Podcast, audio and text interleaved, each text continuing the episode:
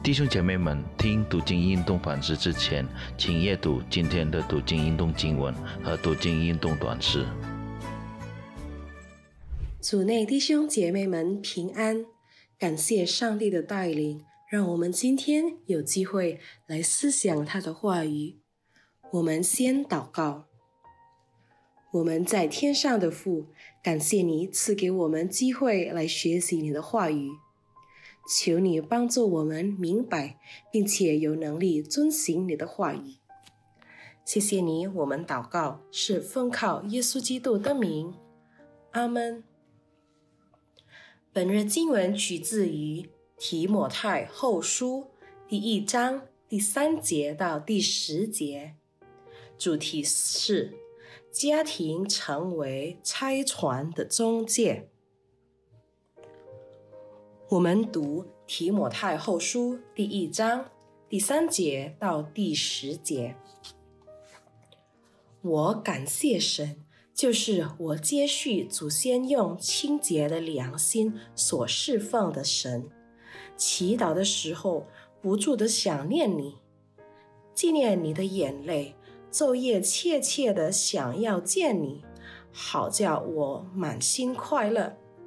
想到你心里无伪之信，这信是先在你外祖母罗姨和你母亲有尼基心里的，我深信也在你的心里。为此，我提醒你，使你将神借我按手所给你的恩赐，再如火眺望起来，因为神赐给我们。不是胆怯的心，乃是刚强、仁爱、谨守的心。你不要以给我们的主做见证为耻，也不要以我这位主被囚的为耻，总要按神的能力，与我为福音同受苦难。神救了我们，以圣造造我们。不是按我们的行为，乃是按他的旨意和恩典。这恩典是万古之先在基督耶稣里赐给我们的，但如今借着我们救主基督耶稣的显现，才表明出来了。他已经把死废去，借着福音将不能坏坏的生命彰显出来。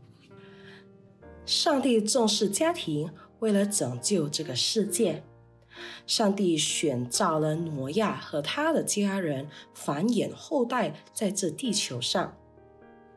上帝还拣选了亚伯拉罕、以撒和雅各及其家庭，就这样诞生了拯救这个世界的弥赛亚耶稣基督。家庭是一个孕育虔诚后代的地方。从本日经文中，我们得知提摩太的信心是由家人所传承的。想到你心里无伪之信，这信是先在你外祖母罗姨和你母亲尤尼基心里的，我深信也在你的心里。记载第一章第五节。虽然每个信徒都必须有个人的信仰，但家庭的影响也不容忽视。尽管基督徒的儿女并不重视有信仰，但有信仰的孩子更多是来自基督徒的家庭，而不是非信徒家庭。虽然上帝的恩典对于一个人成为信徒具有决定性的作用。但有信仰的家庭环境对于孩子灵命成长的重要性也不个不可小觑。提摩太就是一个来自信徒家庭的典范。虽然上帝可以使用个人作为宣教的中介，但家庭在基督教的拆船中分演这重要的角色。不幸的是。没有多少教会将家庭视为宣教的媒介。在早期的教会，宣教是由家庭教会开始的。在那些对基督教封闭的国家，类似的事也发生。